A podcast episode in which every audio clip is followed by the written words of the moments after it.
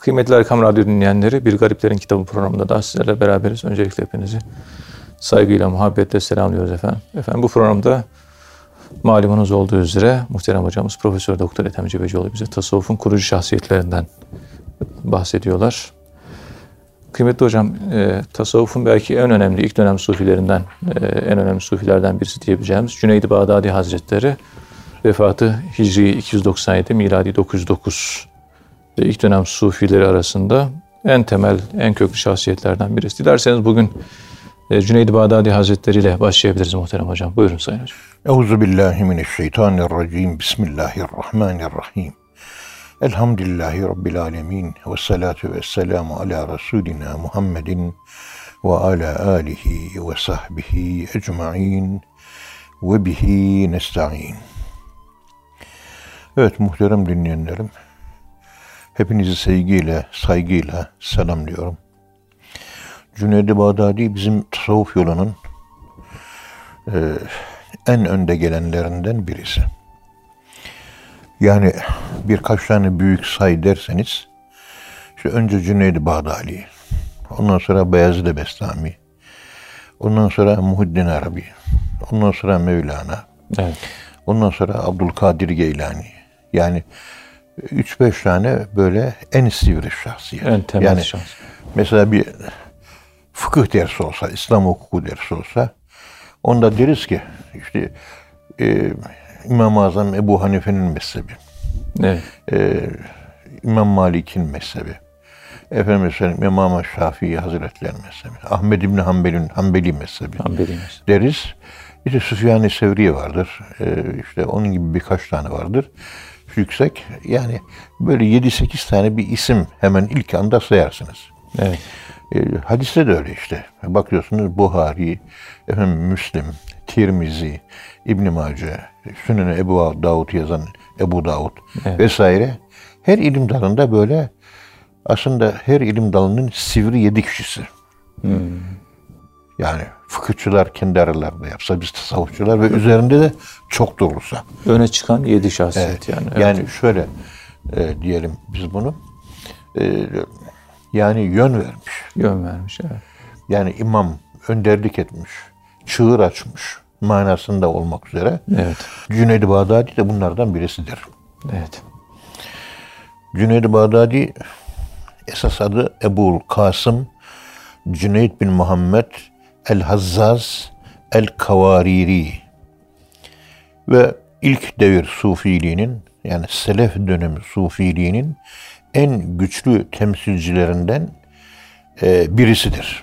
Evet. Gerçekten önemli bir kilometre taşı olarak e, kelamcıların da dikkatini çeker. Efendime söyleyeyim, İslam hukukçuların da dikkatini çeker. Evet. İslam ahlakçılarının da dikkatini çeker. Yani hadisçilerin de dikkatini, tefsircilerin de dikkatini çeker. E, erken dönem önemli bir kilometre taşı ve kendisi Süfyan-ı Sevri Hazretleri ile falan böyle bir bağlantısı var ve onun huzurunda fetva da veriyor. Evet. Ki Süfyan-ı Sevri az önce bahsettiğimiz gibi İmam-ı Azam gibi, Ahmed İbni Hanbel gibi e, büyük mezheplerden e, birinin imamı ama şimdi artık o mezhebin takipçisi yok e, kalmamıştır. Evet. Efendim Bağdat'ta doğdu. Orada yaşadı.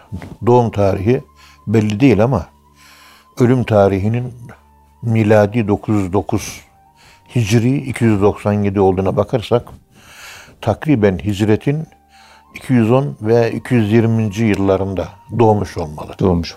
Yani Hicri ikinci yüzyılın başında doğmuş olmalı. Evet. Peygamberimiz efendim söyleyeyim hicretinden itibaren 200 sene sonra doğmuştur kelimesini burada evet. kullanabiliriz. Evet. Cüneyd-i Bağdadi e, aslen ailesi Nihavent bölgesinden olup biliyorsun Nihavent bugün İran'da bir bölge. Yani Bağdat'ın kuzey taraflarında, kuzey doğu taraflarında evet. bir bölge. İsminden anlaşıldığı gibi kavariri, karura, Kavarir. bardak, cam, cam işiyle pencere yapmak, bardak yapmak, tabak yapmak, cama camdan bunlara e, işte kavariri nisbesi buradan geliyor. Yani Cüneyd-i Bağdadi el kavariri. Efendim babası bu şekilde cam ticaretiyle meşgul ve o şekilde tanınan bir zat. İşte Bağdat'ın kuruluşunu biliyorsunuz. Ee, Bağdat eskiden bir köy gibi bir yerdir. İslam fetihleri İran'a, Sevat arazisine yani Irak topraklarına yöneldikten sonra ilk e, devirlerde Kahire gibi Fustat, ilk Kahire'nin adı Fustat. Yani ordu ordugah, ordu çadırlarının toplu halde olduğu yer anlamına geliyor. Öyle bir yerde işte Bağdat kurulmuş Evet. gelişme aşamasında ve e, Abbasi dönemi biliyorsunuz. Abbasi dönemi. evet. Abbasi döneminde yaşamıştır. Bir merkez olmuş. Yani. Merkez ve kültür, Kültür merkezi, merkezi olmuş. orası. Medeniyet merkezi. Böyle mesela meşhur cami kebiri var. Bütün herkesin cuma kıldığı bir yer var orada. Ondan sonra mesela Kitabı Akbarül Hallaç'ta anlatılıyor. Orada Şenyuziye mescidi var. Bir mescit. Sufiler genellikle orada toplanıyorlar. Evet. Kendilerine göre bir camileri var. Adı Şenyuziye Mescidi. Kitabı Akbarül Hallaç'ta sık sık geçer. Evet. Camide itikafa girenler var, Kur'an okuyanlar var, tesbih çekenler var. Efendim söyleyeyim, tefsir dersi yapanlar var, namaz kılanlar var. Orada ikamet edip kalanlar var. Yani orası Şeniziye Evet. bir ilim ve irfan merkezi. Ki orayla da e, Cüneyd-i Bağdadi Hazretlerinin Hallacı Mansur gibi ve devrinin diğer sufiler gibi bağlantısı var. Evet. Cüneyt de biliyorsunuz yani ilim adamıdır. Ama o da ticaretle meşgul olmuştur. İşte İmam-ı Azam hem fakih hem de ticaretle Hem de meşgul tüccar olmuştur. yani. Tüccar. Cüneyd-i Bağdadi de ipek ticaretiyle meş- meşgul. Yani kazzaz diyorlar eskiden. Kazzaz. Yani ipek ticaretiyle meşgul. O Hazzaz diye isim de e, şeyden geliyor. E, uğraşmış olduğu meslekten geliyor. Meslek Babasının mesleği camcılık, kendi mesleği ipekçilik. Hı, Biri kavariri, öteki hassas. Biri he, öbürü hazzaz, Evet. öbürü kavariri. Türkçe'de buna kazzaz da deniliyor biliyorsunuz. Hazzas. Evet. Yani hazzaz değil de dil biraz dönüşmüş. Dönüşüyor, Hazzaz yerine Arapça orijinali o iken kazzaz. Hı, İpek ticareti. Evet, ipek ticareti yapanlara o isim verilirdi. Ama ailesi Nihavend'den Bağdat'a ne zaman gelmiş sülalesi belli değil. Ama Bağdat çekici bir merkez. Büyük yerler çekiciliği olduğu için biliyorsunuz. O Dicle Nehri'nin kenarında Evet. kurulmuş o büyük şehir. Ben birkaç defa gidebildim yani. iki veya üç defa yolum düştü oralara. Hakikaten e, ihtişamlı bir şehir. Keşke Evet. savaşlar, fitneler, Saddamlar, efendim söyleyeyim emperyalist güçler oraya müdahale etmeseydi de bir dünya kültür başkenti olarak İstanbul gibi ayakta duran bir şehir olsaydı. Keşke. Bakın İstanbul elhamdülillah bizim elimizde. Durmadan hem eski Bizans kültürünü ihya ediyor devlet aklı hem de e, Selçuklu'dan sonra pardon Osmanlı'nın e, yapmış olduğu katkıları da geliştiriyor, büyütüyor. İstanbul baştan başa bir müze gibi, açık hava müzesi gibi biliyorsunuz. Evet. Bu da çok önemli bir şey. Binlerce yıllık kültür tarihi muhafaza ediliyor yani. Emin Maluf bir şehrin e, tarihi hafızasıdır. Eğer hafızası ne kadar genişse o şehir o kadar önemlidir. Hafızasının büyüklüğüne bağlı. Büyüklüğüne bağlı. O Semerkant gibi kitapları yazmasının arka planında bu şehirlerin gerçek büyüklüğünü, Evet. önemini ortaya koymak için Emin Maluf yazmıştır biliyorsunuz. Bir de mesela Hazreti Osman bir değerdir. Evet. Ondan sonra Hazreti Ali Efendimiz bir değer. Hazreti Ebu Bekir bir değer. Hazreti Ömer İslam medeniyetinde bu tür değerler var. şahıs üretin üzerinden üretilen değerler. Evet.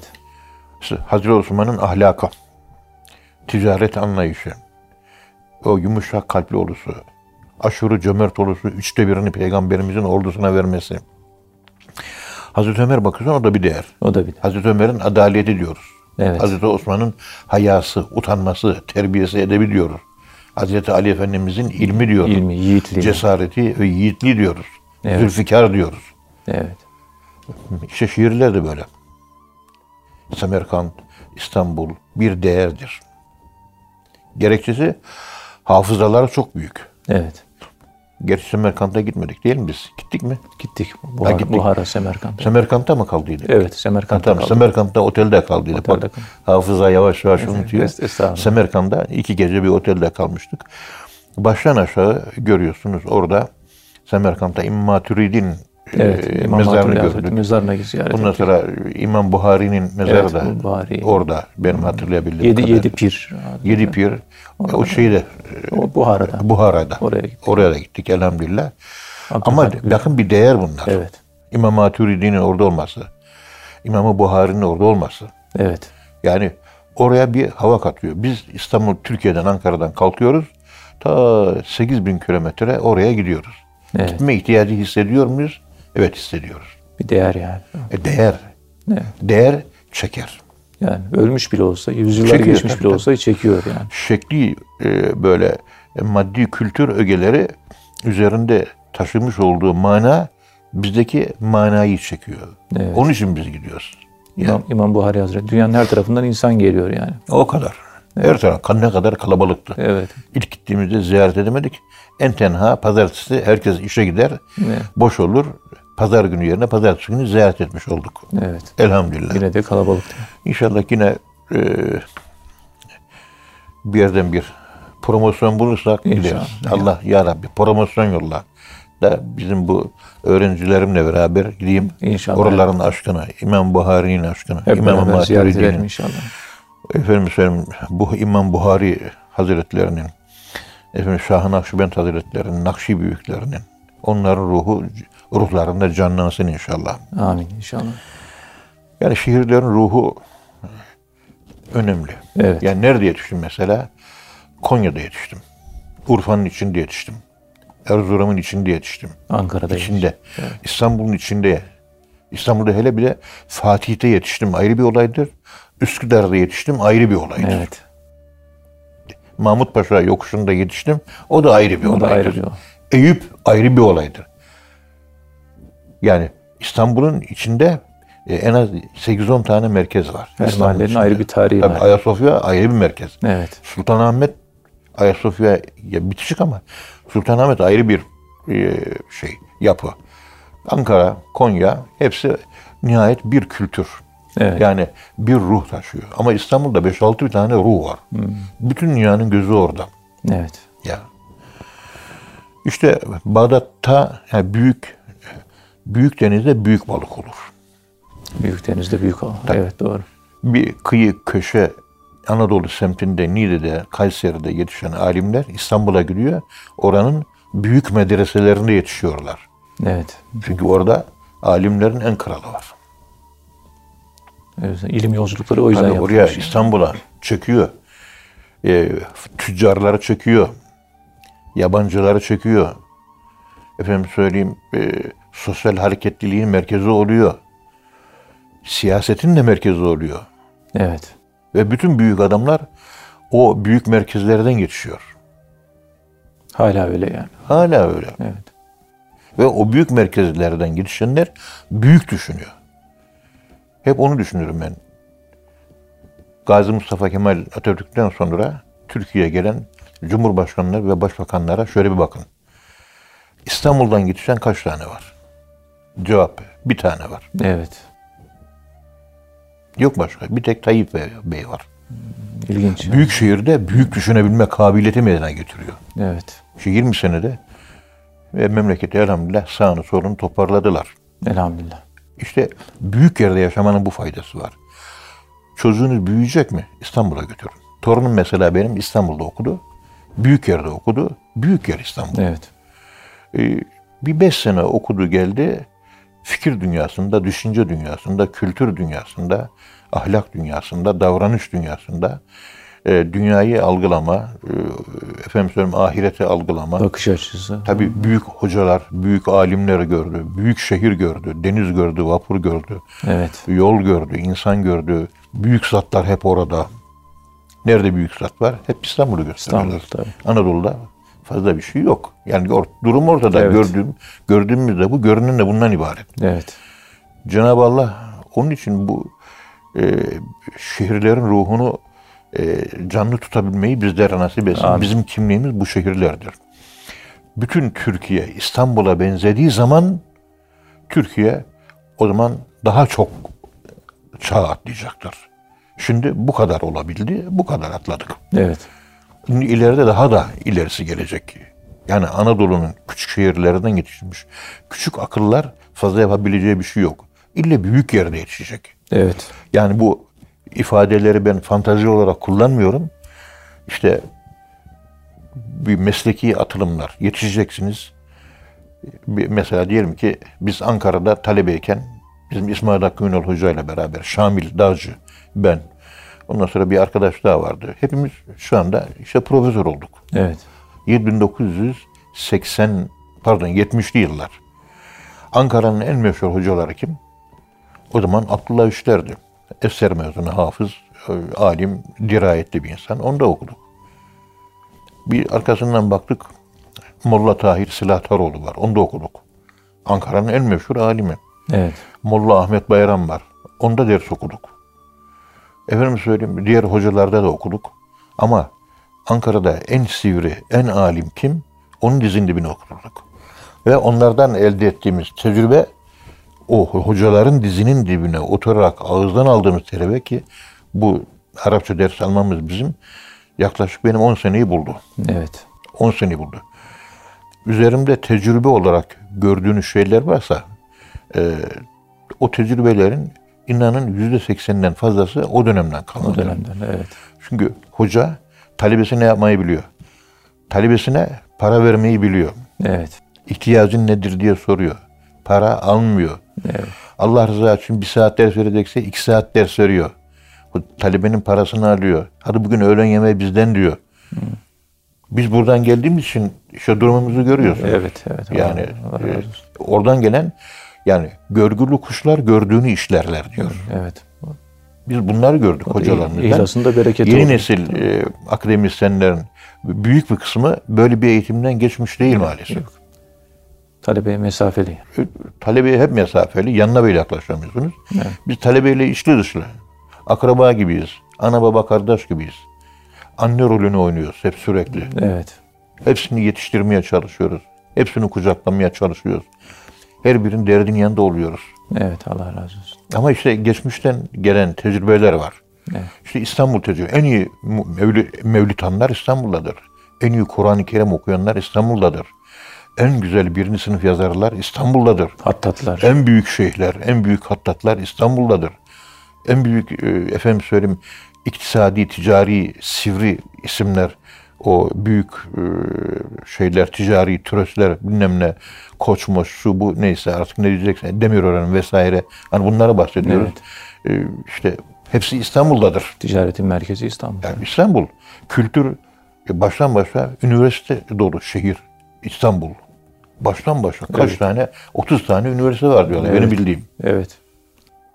Bizim şurada Ankara'da 5 tane 6 tane üniversite var. Anca. Evet. Ank Türkiye'nin ikinci büyük şehri 6,5-7 milyona yaklaşıyoruz yavaş yavaş. Yani 5-6'yı geçmiyor. İstanbul işte 30 milyona yakın, yakın çevresiyle beraber 30'a yakın üniversite var. Yani kültür merkezi. Evet. En iyi artistler bile oradan çıkıyor. Evet. Ya düşünün yani. En iyi artistler, sanatkarlar bile oradan çıkıyor. Hepsi İstanbul'da. İstanbul'dan çıkıyor. İstanbul bu bakımdan Ankara başkenttir siyasi olarak problem yok. Ama e, psikolojik başkent, kültürel başkent kim ne derse desin e, hala İstanbul. İstanbul. Yani bu, bu tarih orada çünkü. Ankara'nın tarihi belli. Evet. Bir Hacı Bayram ben çalıştım. Ankara'yı tanıdım. Ankara'nın tarihi sınırlı. Ta 1402 Ankara Savaşı ile başlıyor. Yani elle tutulur tarihi. Ondan öncesi için işte 7500 nüfuslu, 8000 nüfuslu bir kasaba gibi. Onun yarısı %50'si de Ermeni ve Rum. Hmm, Müslümanların sayısı 4000. yani 10 bin bile değil yani. 10 bin bile değil. Yarısı Müslüman. 5 bini Müslüman, 5 bini Hristiyan. Yok öyle fazla bir şey. Yani 1300 yıllarından esas anlatılabiliyor. Daha öncesi için söyleyecek fazla bir şey yok. Evet kalıntılar, buluntular var ama hasılı kelam bu konu e, Bağdat'ta yetişmesi, Cüneyd-i Bağdadi Hazretleri'nin Evet. büyük yerde büyük adam çıkar.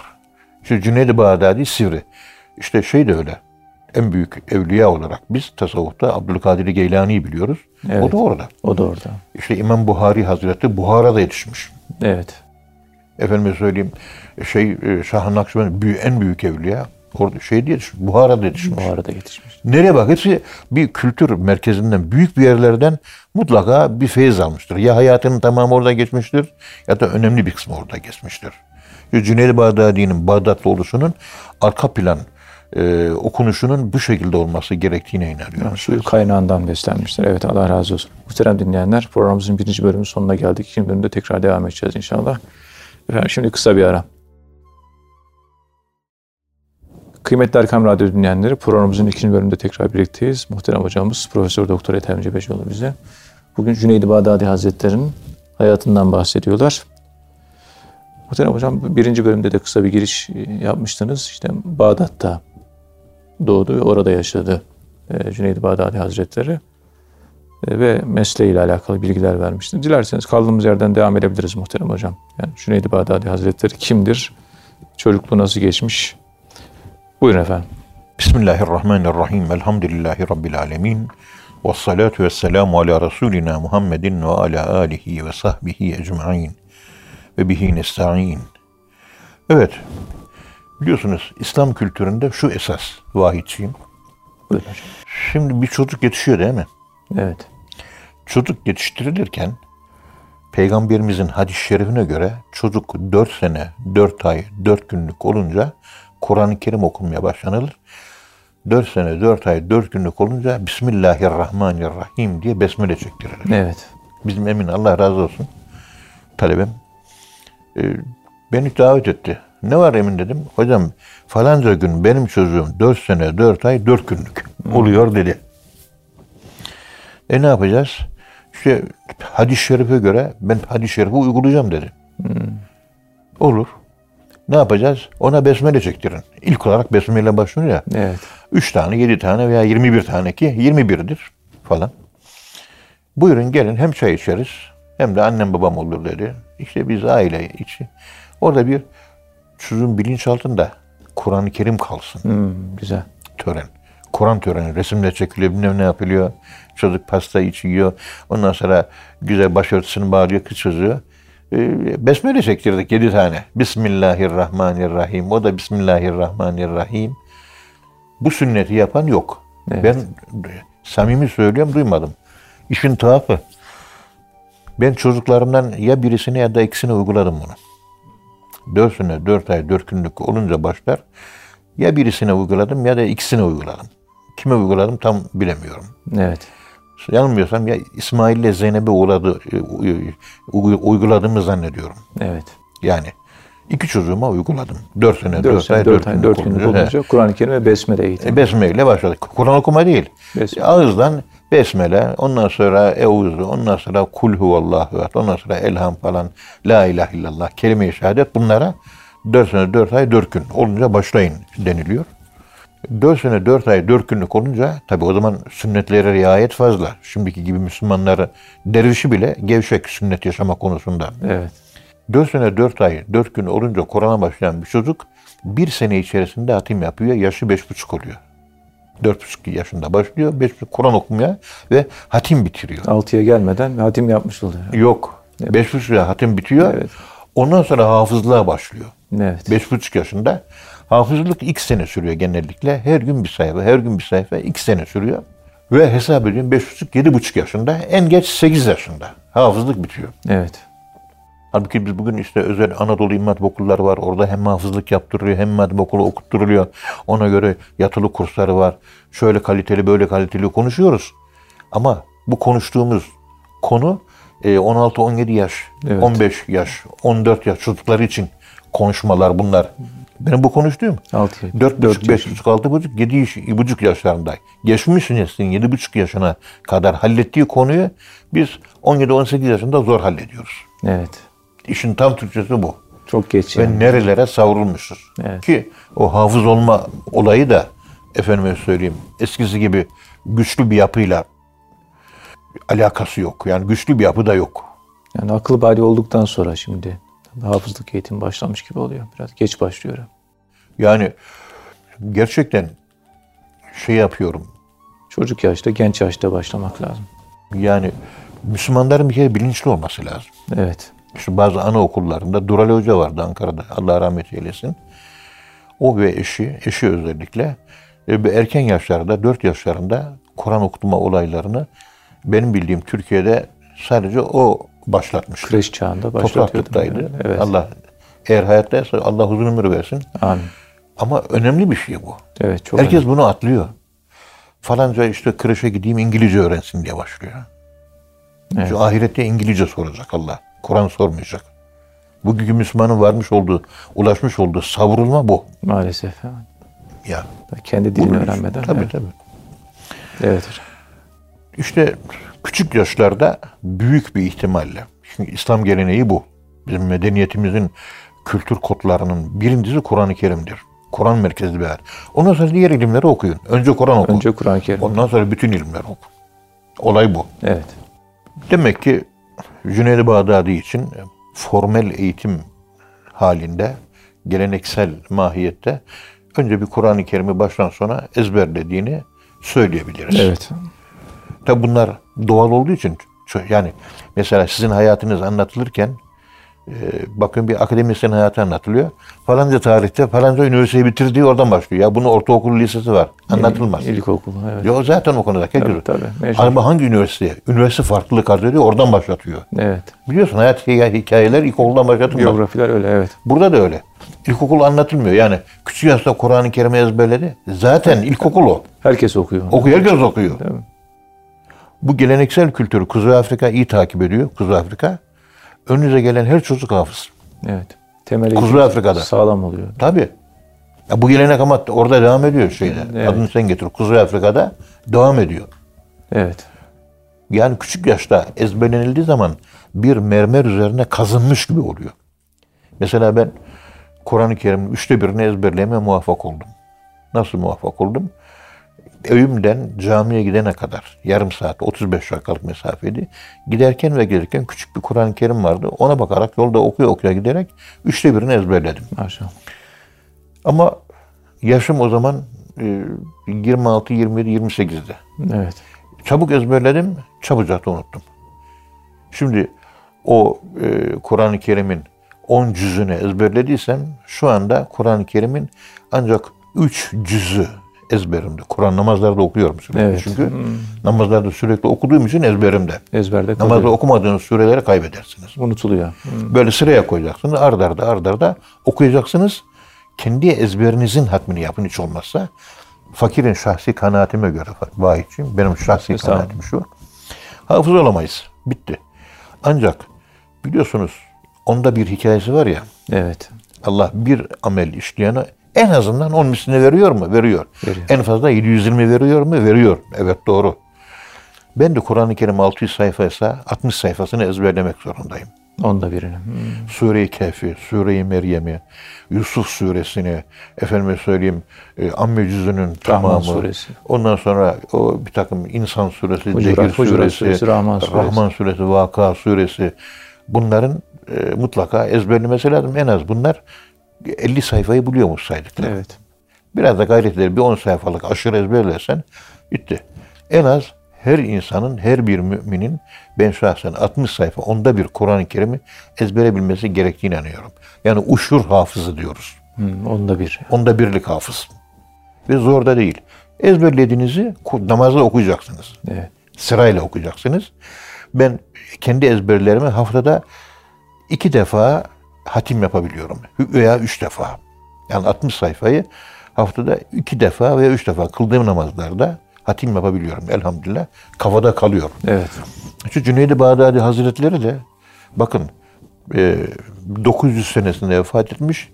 1100 sene önce vefat etmiş. Şey, Cüneyd-i Bağdadi Hazretleri ve 1100 sene önceki bir insan ve Kur'an teması üzerinden Evet. günümüze nasıl projeksiyonu e, uygulamalı olarak fikir aktarım yapıyoruz ve bir ibret, bir nasihat, Numune, e, örnek. numune, bir yansıtma yapıyoruz. Evet. Ta 1100 sene önceki olayı günümüze yansıtma yapıyoruz. evet. Yani bunu ben düşünüyorum. Bu çok büyük bir şey. Çok önemli. Evet. Çok büyük bir şey. Yani şimdiki bu derdimiz Kur'an ezberleri. Şu anda Türkiye'de Kur'an hafızlarının sayısı 400 bine yakın veya 300 bin civarında hafız olduğunu biliyorum ben. Elhamdülillah. Ama İncil hafızları bütün dünyada 4 tane. Tevrat hafızları 50-60 tane. Yok. Kur'an'ın bereketi yani. Kur'an-ı Kerim bereketi. Evet. Bozulmamış. İlahi tazelik var. İnsan uyumlu. İnsanda bir Kur'an ya. Evet. Kur'an da Kur'an. İkisi birbirle üst üste örtünce ezberlemek kolay oluyor. Allah'ın hikmeti bunlar. Evet. Hikmet ilahi. Küçük yaşta e, şeye başlıyor. Yani hafızlığını yapıyor. Onu biliyoruz. Zaten Arapça konuşuluyor. Arapça konuşulduğu için okunan Kur'an-ı Kerim manasını da biliyor. Biliyorlar tabii. Bizde bir dezavantaj var. Türküz. Arapça öğrenmemiz lazım. Hafızını yapmış birçok kişi Arapça bilmiyor. Evet, öyle, Evet, öyle. Kur'an'ın manasını Aynen bilmeden ezberliyor. Evet. Efendim söyleyeyim Ebu Sevr El-Kelbi'den fıkıh okudu. Yani İmam Süfyan-ı Sevri Hazretleri evet. ve Ebu Ali Hasan bin Arafa el-Abdi meşhur hadisçidir bu. Senetlerde ismi geçer. Yani hadis senetlerinde Evet. e, Ebu Ali Hasan bin Arafa onlardan hadis dinledi. Hadis okudu demiyor. Hadis dinlemek diyorlar. Hadis dinlemek. Evet. Kur'an okumak kıraattir. Hadis dinlemektir. İlim, Yani okumak ve dinlemek. ilim önce dinlemekle başlıyor. İşin doğa tarafı dinlemekle konuşmak aynı şey. Duyamayanlar konuşamıyor, konuşamayanlar duyamıyor Evet. biliyorsunuz. Kulakla alakalı. Kulakla alakalı. Hmm. Yani ağızdan almak. Ağız kulağa hitap eder. Kulak ağızla, dille bağlantılı. Duyarak ezber nasıl olur? Tabi hadis e, dinledi, dinlediği hadisleri de ezberledi. Yani hadis ilminde behresi vardı. Yani Cüneyd-i Bağdadi Hazretlerinin. Bunu da hep ben düşünürüm. Yani Evet. hadis dinlemek, yani Kur'an dinlemek de var. Buna istima Evet. deniliyor, sem deniliyor. Sırf dinlerseniz sem. Ezberlemeye muvaffak olur, kafanızda kalır. Bir de kalbinize indirir. Hayatınıza yön verirse, sizi dönüştürürse ona sem denmez, istima denilir. Evet. Sem ile istima arasında bu fark var. Evet.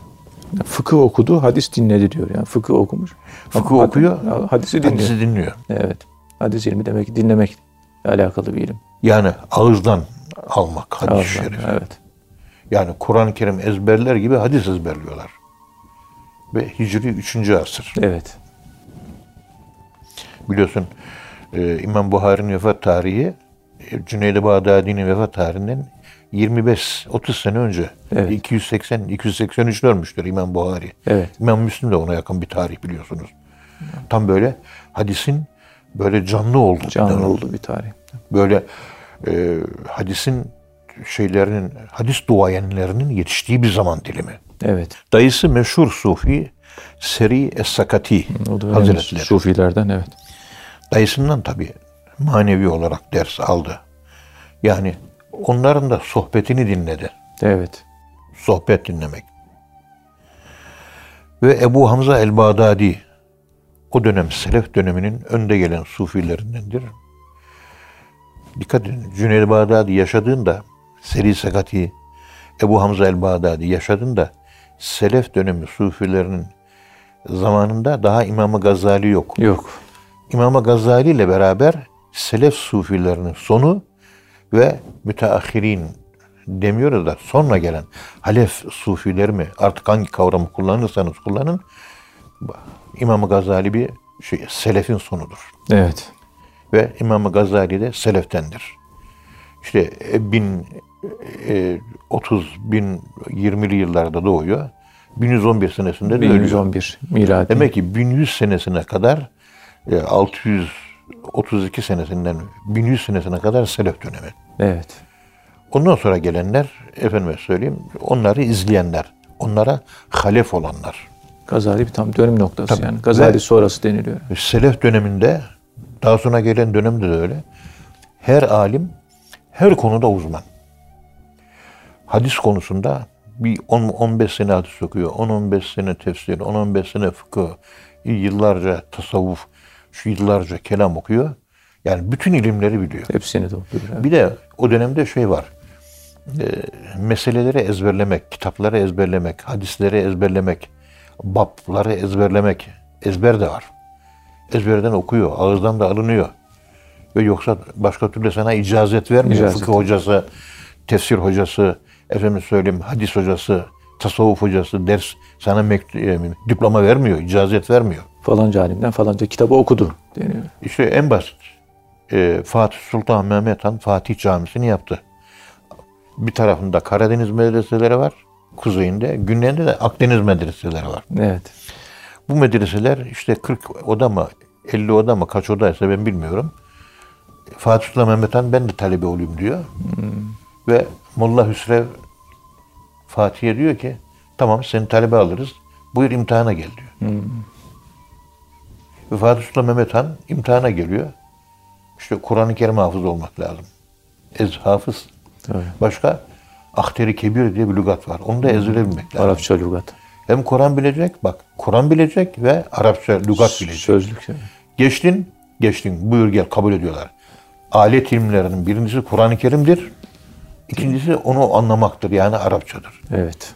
Fatih Sultan Mehmet Han başarılı oluyor ve orada hala hücresi var biliyorsunuz. Evet. Şimdi Vakıflar Bölge Müdürü'nün odası Fatih Sultan Mehmet Han'ın kaldığı hücre falan diye bana gösterdilerdi bir ara. Şimdi hala öyle mi bilmiyorum. Evet. O zamanki e, şey bu. Yani Fatih zamanında bile ve bu iş çok ciddi tutulmuş. E, yok kardeşiymiş, oğluymuş, babasıymış, dayısıymış ona da bakmamışlar. Kriterler çok ciddi, kesin, objektif ve sert. Evet. Yani hiçbir kaytarma yok. Ve yetişenler ciddi yetişiyor.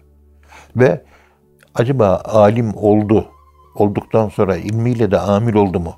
Ona çok bakıyorlar. Evet. Onun için alim kelimesi biliyor ve bildiğini yaşıyor. Şimdi bu devirde biliyor ama bilmediğini yaşamıyor. Evet. Bildiğini Buyurun yaşıyor. ilaççı akademisyenlerin hali ortada. Maalesef.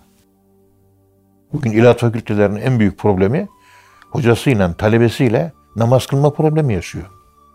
Camiye gitme problemi yaşıyor. Evet. Eskiden böyle bir şey söz konusu değildi. İlmin bereketi kalmadı. İlim dönüştürmüyor. Niye? İhlas yok. İman da verilmiyor artık. Evet. İlahiyat Fakültesi'nin birinci sınıfa gelen çocuk deist olup çıkıyor. Çünkü vermesen olmaz, versen olmuyor, vermesen olmuyor. Sağlıklı bir din bilgisi verilmiyor artık ilahiyatlarda.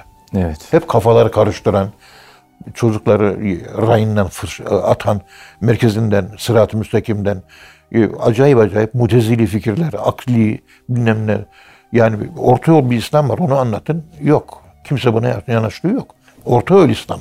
Ehl-i sünnet vel cemaat. Yok. İlk derste uydurma hadisi duyuyor hocam. Uydurma. Evet ilk dersi daha hadis bilmeden uydurma hadis üzerinde. Ondan sonra talebenin bilinçaltında hadislerin hepsi uydurmadır diyor. Hadisleri terk ediyor. Evet maalesef. Bir gün talebenin birisi geldi. Hocam Buhari kitabını e, verdim dedi başkasına okumayacağım. Niye? E, tamamen uydurmamış. Ya hangi hoca? İşte şu hoca söyledi. Oğlum ben Buhari'yi üç kere hatim yaptım. İki buçuk veya iki buçuk hatim yaptım da üç diyorum ben ona çoğu zaman. Böyle bir şey yok ya. Nereden duydun? Hangi hoca? Gittim hocaya. Ya dedim talebelerin bir kısmı geliyor.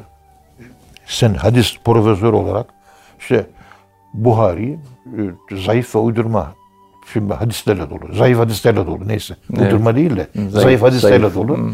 Talebeler okuyor okunmaktan yok ya dedi. Ben öyle söylemiyorum dedi. Peki ne söylüyorsun dedim. İşte 6000 tane hadis var. 6200, 6300 hadis var Buhari'de. Bunun 350'si mi? 400'ü zayıf. Kime? Bize göre zayıf diyor. İmamı Buhari'ye göre zayıf değil ama. Yani Buhari'nin kriterine göre Değil, zayıf değil. sana göre zayıf. Evet. O da 6000'de 300 tane, 350 tane, hadi 400 tane o kadarmış. Öyle söyledi. Ben bunu anlatıyorum. Sen talibe böyle söylersen tamamı zayıf diye algılar. Evet. Algı operasyonu yaptığın farkında değil hoca. Eğitim psikolojisi bilmiyor. Sen 6000 tane sayı, 6000 tane hadis hadis var diyorsun. 5700 sahih diyorsun. 5700 sahih hadisi okutsana bir önce. Evet. Onu okutmadan direkt zayıf gördüğü hadisleri okutuyor. Aleyhinde de zayıf hadislerin epi bir konuşma yapıyor. Çocuğun bilinçaltında İmam Buhari'nin hadis kitabı zayıf hadis kitabı okumaya değmez. Hadis deyince aklıma Yok ya dedi şaşırdı. E vallahi böyle dedim. Durum bu. Eğitim Yani psikolojisi. Hoca kötü niyetli değil. Ama eğitim psikolojisini bilmiyor. E, bilmiyor. Evet. Pedagoji. Bu devirde her şey ya, savruldu gitti yavrum. Maalesef. Her şey savruldu gitti ya. Kur'an diyor, tefsirden oku. Sebebi nüzulden oku. Nüzul senatına göre oku. Tabii. Ama Kur'an-ı Kerim'i okutacak bir üstad lazım. Okutacak üstadın da hadis iyi bilmesi lazım, fıkıh iyi bilmesi lazım, Arapça dilini iyi bilmesi lazım. Günümüz diller, psikoloji, sosyoloji, felsefe, efendim söyleyeyim diğer beşeri bilimleri, kültür, sanat bunlardan biraz haberdar olması lazım. Hepsini bilmesi lazım. Geleneği de iyi bilecek, şu anı da iyi bilecek. Evet. Şu anı bilenler gelenekten haberi yok, gelenekten tesir yapanların bugünden haberi yok. O Mahmut Toptaş Hoca var, o çok güzel anlatıyor Çok güzel evet. geçmişle şu anı o kadar güzel mezzediyor ki hayranlıkla dinliyorum. Evet. Osman hocamız da ona epey bir devam etmiş galiba. Ee, çok kıymetli bir hoca efendi. Yaşlı tabii Karamanlı. Hemşerimiz. Allah razı olsun. Yani işte böyle düşe kalkıya kervan devam ediyor. Elhamdülillah. Allah razı olsun hocam. Ağzınıza sağlık. Muhterem dinleyenler süremiz bitti. Programımızın sonuna geldik. Efendim bir sonraki programda buluşuncaya dek hepinizi Allah'a emanet ediyoruz. Hoşçakalın efendim.